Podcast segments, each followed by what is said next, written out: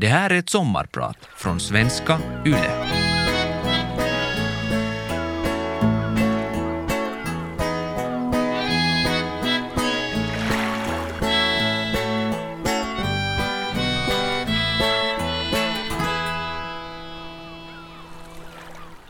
Jag ligger i en sjukhussäng som rullas framåt i de oändligt långa korridorerna i sjukhuset i Mejlands. Jag mår inte bra och sjukhuslukten gör inte hela något bättre. Ni vet, den där sterila lukten av rädsla och osäkerhet. Jag ligger i sängen och stirrar upp på lamporna i taket och tänker att jag skulle inte riktigt ha tid för det här. Om några dagar borde jag flyga till Berlin och träffa Angela Merkel. Min sambo går bredvid mig. Några timmar tidigare har jag kommit till akuten. Nu är jag inlagd och rullas från akuten till avdelningen. Vi är framme vid rummet där jag ska ligga. Ett delat rum med tre sängplatser.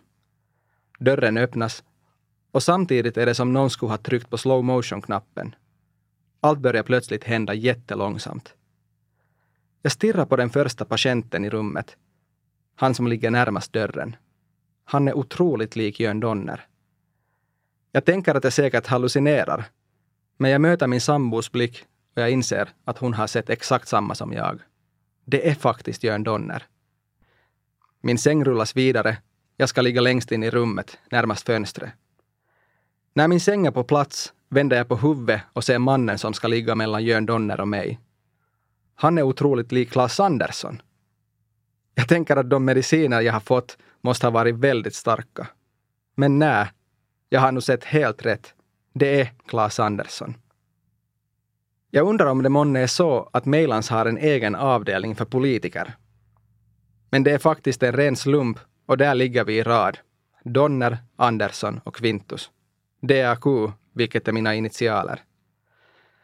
Jag vågar berätta det här eftersom de själva berättade i offentligheten den sommaren att de varit intagna samtidigt och delat rum med varandra. Hur och varför hade jag hamnat här? Bara två dagar tidigare hade jag ju varit i Bryssel på EU-toppmöte med Finlands statsminister Antti Rinne, var specialmedarbetare jag var. Men i ärlighetens namn visste jag ju svaret. Jag hade känt mig sjuk redan före vi flög dit och maratonmöte ledde till att vi var vakna och jobbade 35 timmar i sträck. Före toppmötet hade jag jobbat åtta månader utan en endaste ledig dag.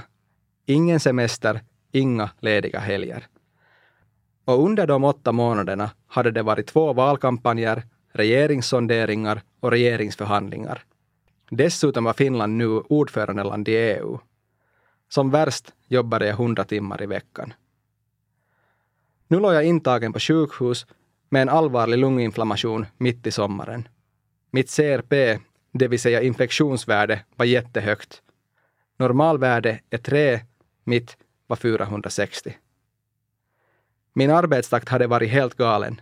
Det tänkte många i min närhet och det sa också många. Jag var förstås medveten om att det inte var klokt och att jag i något skede måste få vila. Men jag höll på, jobbade och jobbade. Jag älskade mitt jobb och för mig handlade det om engagemang. Att ge och göra allt som jag kan. Idag kommer jag att prata om engagemang och om tillfälligheter i livet.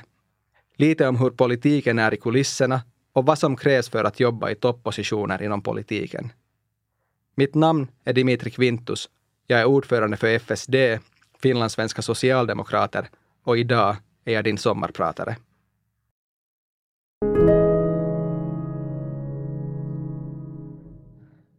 Då jag var liten lärde min mamma och pappa mig och mina syskon att man alltid ska vara på den svagares sida. Och att man alltid ska hjälpa till, göra det lilla man kan. Och framför allt att man alltid ska se upp till alla människor, speciellt till dem som alla andra ser ner på.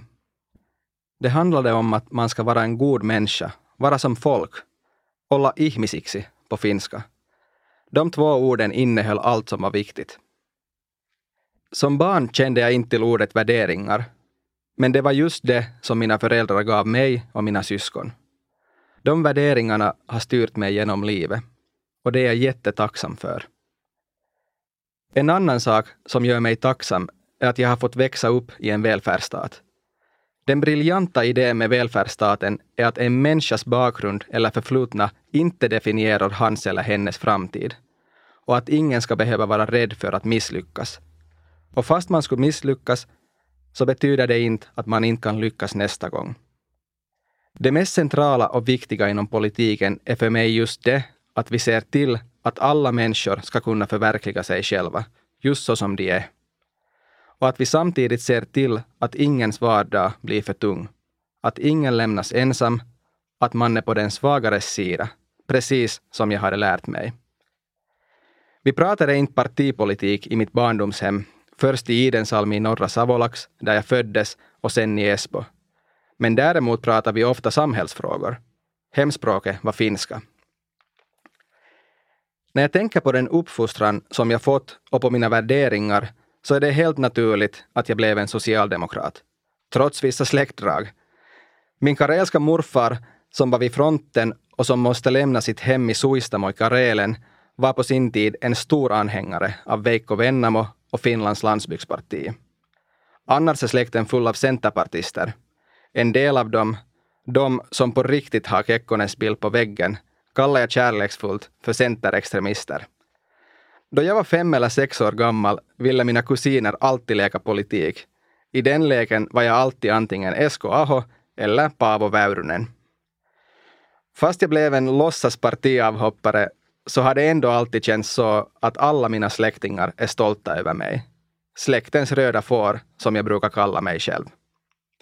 Mer överraskande än mitt partival var det att jag, en ursprungligen helt finskspråkig pojke med starka rötter i Savolax och Karelen, blev ordförande för finlandssvenska socialdemokrater.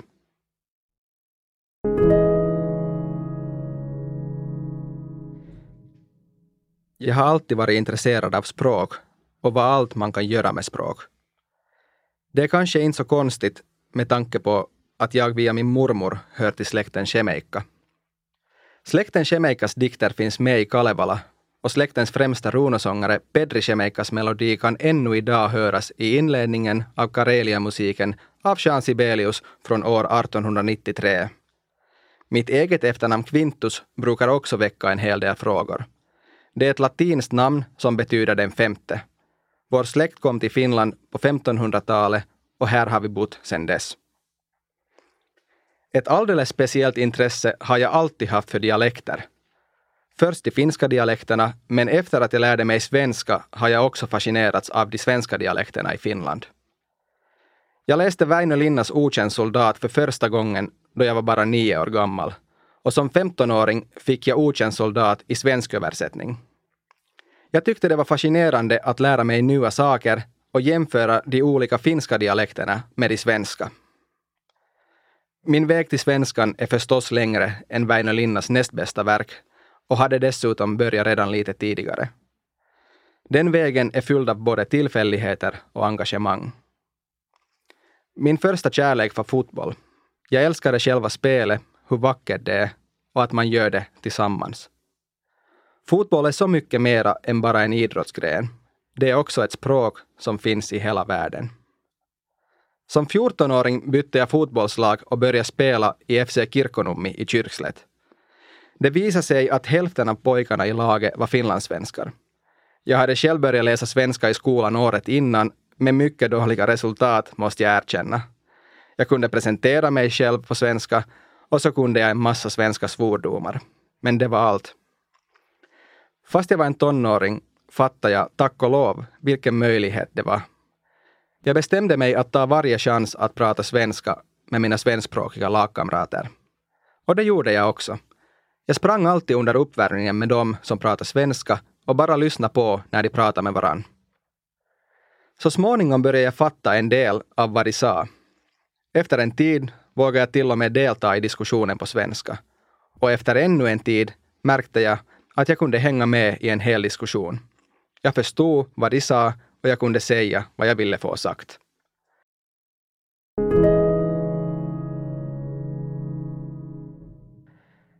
Det var tillfälligheterna som gjorde att jag började träna fotboll i Kyrkslätt, men det var ett mycket medvetet val att jag började tala svenska med finlandssvenskarna i laget.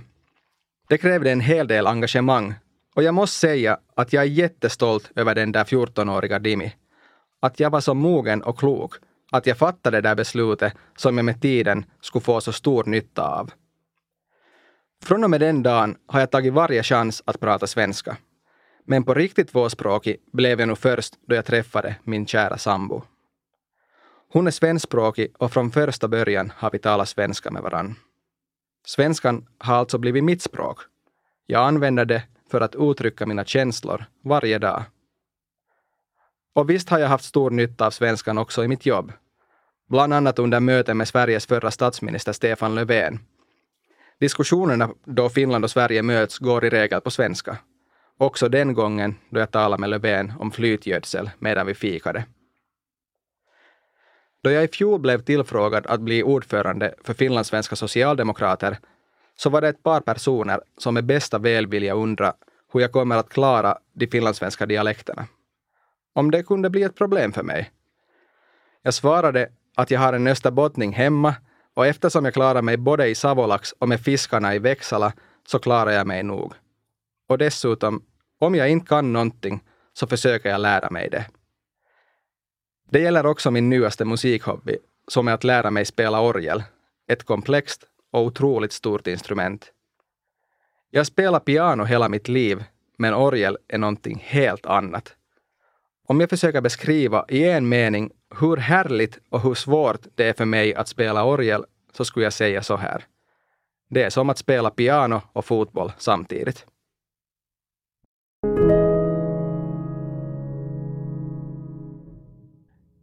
Jag har haft äran att jobba för Finland och finländarna som specialmedarbetare i tre olika regeringar, för fem olika ministrar och två olika statsministrar, både Antti Rinne och Sanna Marin. Jag har jobbat i statsrådets kansli, finansministeriet, utrikesministeriet och social och hälsovårdsministeriet. Och förstås i riksdagen, bland annat som specialmedarbetare till riksdagens talman. Nu leder jag den äldsta politiska organisationen vi har i Finland, finlandssvenska socialdemokrater. När jag ser tillbaka på min karriär inom politiken så här långt ser allt välplanerat och strukturerat ut. Som om jag skulle ha gjort en plan och sen följt den. Men sanningen är den att jag aldrig ens hade tänkt på politik, förutom när mina kusiner tvingade mig att vara Paavo Väyrynen när vi lekte i barndomen. Jag hade helt andra planer, men sen kom en tillfällighet som ändrade hela mitt liv. Allt började sommaren 2011. Jag studerade journalistik och sommarjobbade på Golflehti, alltså den finska tidningen för golfare. Som sista uppdrag den sommaren skulle jag intervjua dåvarande omsorgsminister, socialdemokraten Maria Guzenina. Jag intervjuade henne, skrev artikeln och gick tillbaka till mina studier. Två veckor senare ringde hon. Jag trodde att hon var missnöjd med artikeln men istället frågade hon om jag skulle vilja börja jobba som hennes medarbetare i riksdagen. Jag tackade direkt ja, utan att tveka en sekund. Jag var inte medlem i Socialdemokraterna. Jag hade aldrig hört till något parti. Jag hade aldrig varit med i något politiskt ungdomsförbund, vilket är den vanligaste vägen att bli assistent till någon politiker. Jag hade alltid tänkt att det enda politiska jag kommer att syssla med är att rösta i varje val. Det blev lite mer än så. Jag ville bli journalist för att kunna se och upptäcka det som inte funkar eller som inte är rättvist i samhället och genom att skriva om det bidra till en förändring till det bättre. Väldigt snabbt märkte jag att jag kan göra samma i politiken. Jag försökte göra ett så bra jobb som möjligt. Genom åren fick jag mer ansvar och jag tackade alltid ödmjukt ja till ansvaret. Jag hittade alltså min plats och det har varit helt otroliga år. På ett typiskt finländskt sätt kunde man säga att det inte har gått helt dåligt. Mitt namn är Dimitri Quintus och idag är jag din sommarpratare.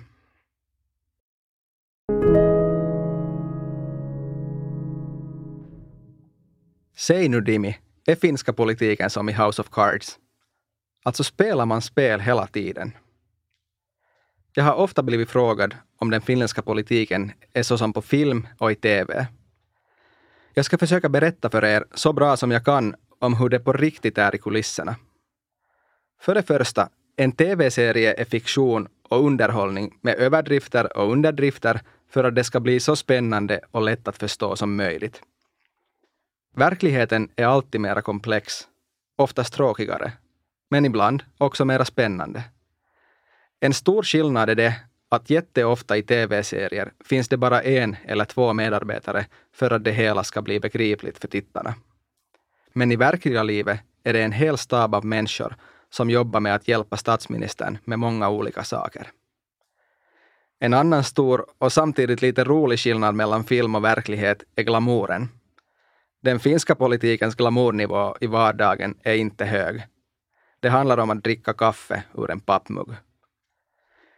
En annan rolig grej med de här serierna är att det alltid ser ut som att politik är ett schackspel på högsta nivå. Men så är det inte. I verkligheten är det snarare som att fylla i ett korsord på villan. Man funderar i lugn och ro, får en idé, skriver den, suddar bort, tar en klunk kaffe och tänker på nytt. Men visst slåss man om makten i politiken. Det handlar ju om att vinna val och att få ett så starkt mandat som möjligt. Det handlar om att övertyga andra om sina idéer. Och ja, det spelas också, men oftast sker det helt öppet. Trots att det ganska ofta överdrivs ordentligt i de olika tv-serierna om livet i politiken, så finns det också situationer då jag tänkt att de som skriver manus till de här serierna inte har någon aning om hur brutalt det kan vara. Så ja, det finns människor som har något litet spel på gång hela tiden och som spelar fult. Men tack och lov är de ganska få. Och som tur är det väldigt sällan att de når upp till toppen i den finländska politiken. Det finns en naturlig förklaring till varför fult spel belönas så sällan. Det är nämligen så att politik handlar om att kompromissa. Det är att skapa samarbete som bygger på förtroende. Och förtroende får man endast genom att agera på ett sätt som skapar tillit. För mig har det alltid varit viktigt att vara mig själv i politiken. Att vara artig och vänlig mot alla, oberoende av politisk hemvist. Samtidigt har jag alltid velat vara ärlig och rak, och ibland hård om saken kräver det. Men det får aldrig bli personligt. Jag tror att jag har lyckats med det eftersom jag har goda vänner i alla partier. Mitt sätt är alltså att titta rakt i ögonen och le. Ibland kan jag bryta arm och vara besvärlig, men efter att jag har skakat hand så kan man lita på det.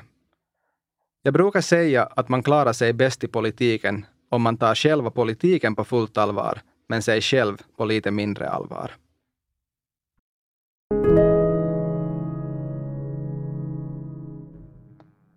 Vad gör då en specialmedarbetare till statsministern? Och vad allt krävs det av den som gör jobbet? Jag jobbade med kommunikation och medierelationer för Antti Rinne och för Sanna Marin under hennes första år som statsminister, bland annat tiden då pandemin bröt ut. Det jobbet handlar om att hjälpa statsministern kommunicera sin politik, skriva tal, coacha inför intervjuer eller debatter. Att tänka vad som ska sägas, hur saker ska sägas, hur det låter och ser ut. Det handlar om att hitta ett sätt att tilltala människor. Ofta handlar det om svåra och komplexa saker. Hur ska man förklara svåra saker så att alla förstår utan att förenkla alldeles för mycket? Det var mitt jobb. I viss mån handlar jobbet förstås också om att skapa synlighet för statsministern.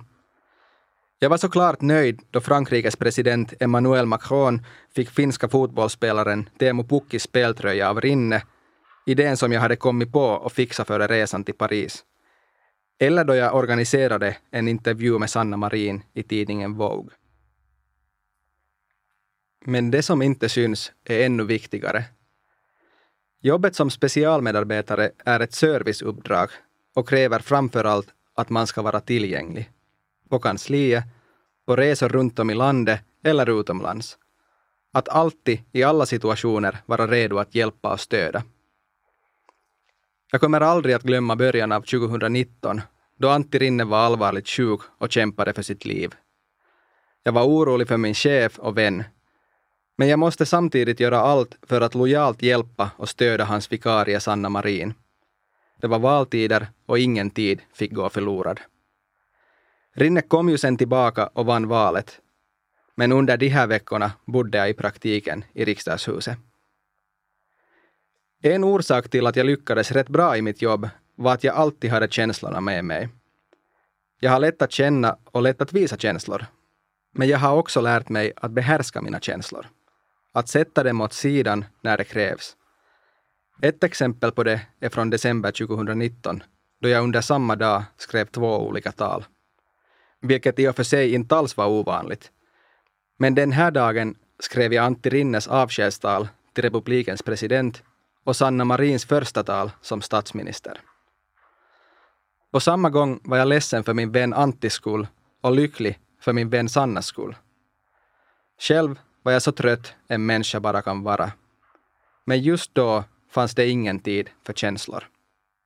Som värst jobbade jag 16 timmars arbetsdagar, sju dagar i veckan. Vecka efter vecka. Jag gick i duschen och sov med telefonen i tio år. Det är klart att sånt påverkar vardagen och privatlivet. Under min systers bröllop fick jag springa ut ur kyrkan mitt under vigseln för telefonen ringde och jag måste svara. Samma sak hände på en begravning. Det kändes förstås inte bra, men det var så mitt jobb såg ut. Eller att njuta av semester och solen på en strand på franska rivieran tillsammans med min sambo och samtidigt tala i jobbtelefonen. Jag har vaknat mitt i natten och börjat skriva tal eller kolumner när jag fått en idé. Jag har inte vågat ta risken att vänta till morgonen och glömma idén. För mig var det här enda sättet att göra det här jobbet. Med hela hjärta. Att aldrig titta på klockan. Vad har fått mig att agera på det här sättet? Orsaken är en uppriktig och ärlig vilja att jobba för det gemensamma, för Finland och finländarna och en stark känsla av att det som jag gör har betydelse. Fast det har krävt mycket så har det gett mig en så stor känsla av meningsfullhet att jag har varit beredd att jobba, till och med på en strand i Frankrike eller Italien.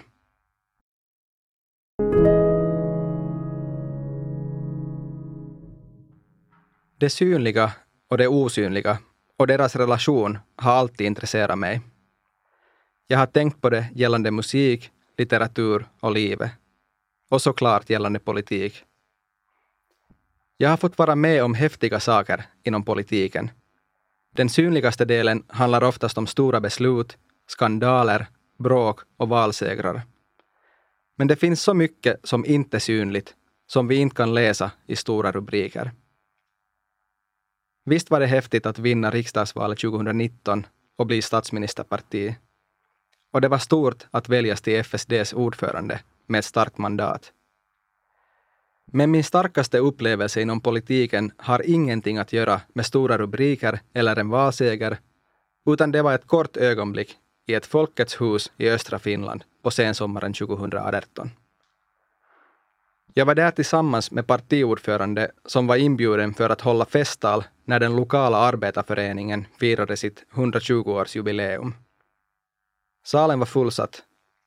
Rinne höll tal och efter talet var det dags för premiering av medlemmar som gjort en lång och trogen tjänst inom partiet. Namnen på personerna lästes upp och de gick alla stolt till scenen, en efter en, och ställde sig på rad. En av dem som fick medalj var en över hundra år gammal kvinna.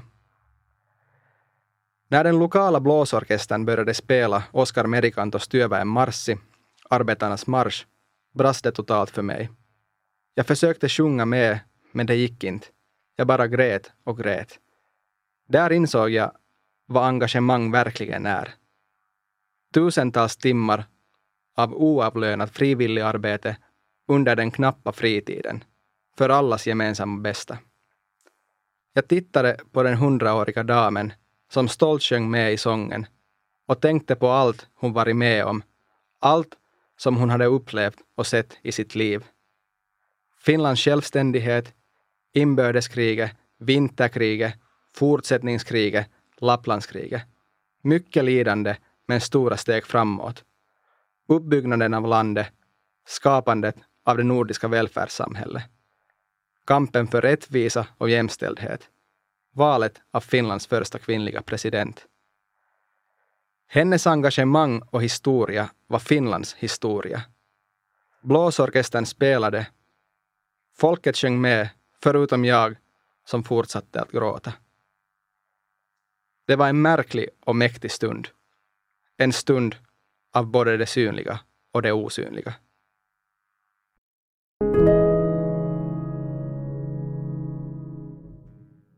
Jag har varit med om många stora förändringar i mitt liv. Men den största förändringen jag hittills upplevt är nog att bli pappa för ett drygt år sedan. Jag har alltid av hela mitt hjärta hoppats på att en dag få uppleva det. Men ändå var jag inte beredd på hur härligt och omskakande det var att få hålla sitt barn i famnen för första gången. Och känna hur mycket man kan älska en människa som man aldrig har sett tidigare och inte prata ett enda ord med. Att bli förälder är ingen självklarhet, utan en stor gåva och på många sätt också det en tillfällighet. Jag tackar varje dag för att den tillfälligheten förunnades oss. På BB ser man vad den nordiska välfärdsstaten är, så där i praktiken. Och där förstår man varför det inte finns finländska eller nordiska tv-serier som Breaking Bad. Svaret är helt enkelt att ingen här behöver råna en bank för att ha socialskydd eller för att få bra vård. Den finländska versionen av Breaking Bad skulle vara världens kortaste och mest tråkiga kriminalserie. Och det får vi skylla på välfärdsstaten. Att få vara isi, eller pappa, är underbart.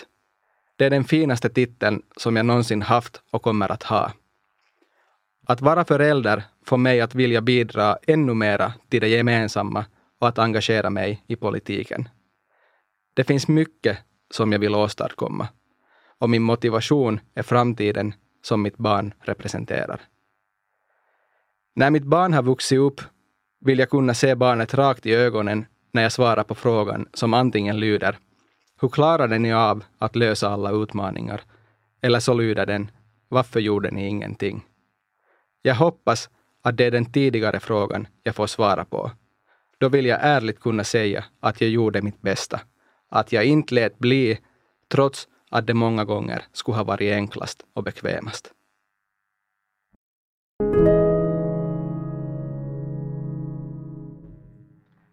Idag har jag sommarpratat om tillfälligheter och engagemang och försökt beskriva livet i de politiska kulisserna. Berätta hur det är helt på riktigt. Jag hade tänkt att inte säga mer om min träff med Jörn Donner och Claes Andersson. Men eftersom jag är en politiker så måste jag vända kappan åtminstone en gång. Jag är för evigt tacksam för att jag fick uppleva den samvaron och den enorma mängden av bildning och klokhet. Det lämnade djupa spår i mig.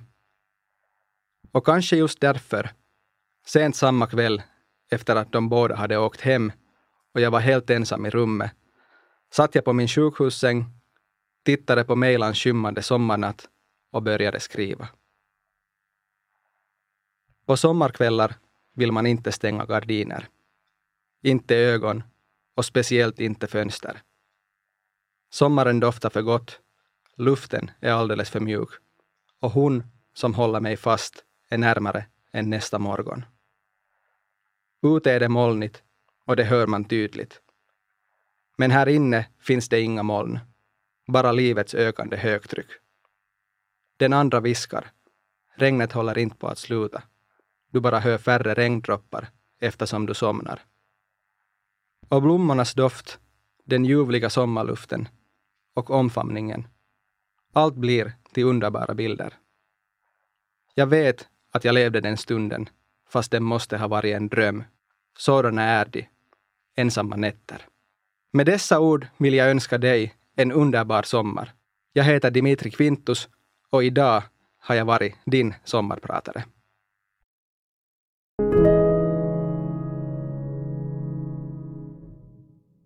Vegas sommarpratare produceras för Svenska Yle av Parad Media.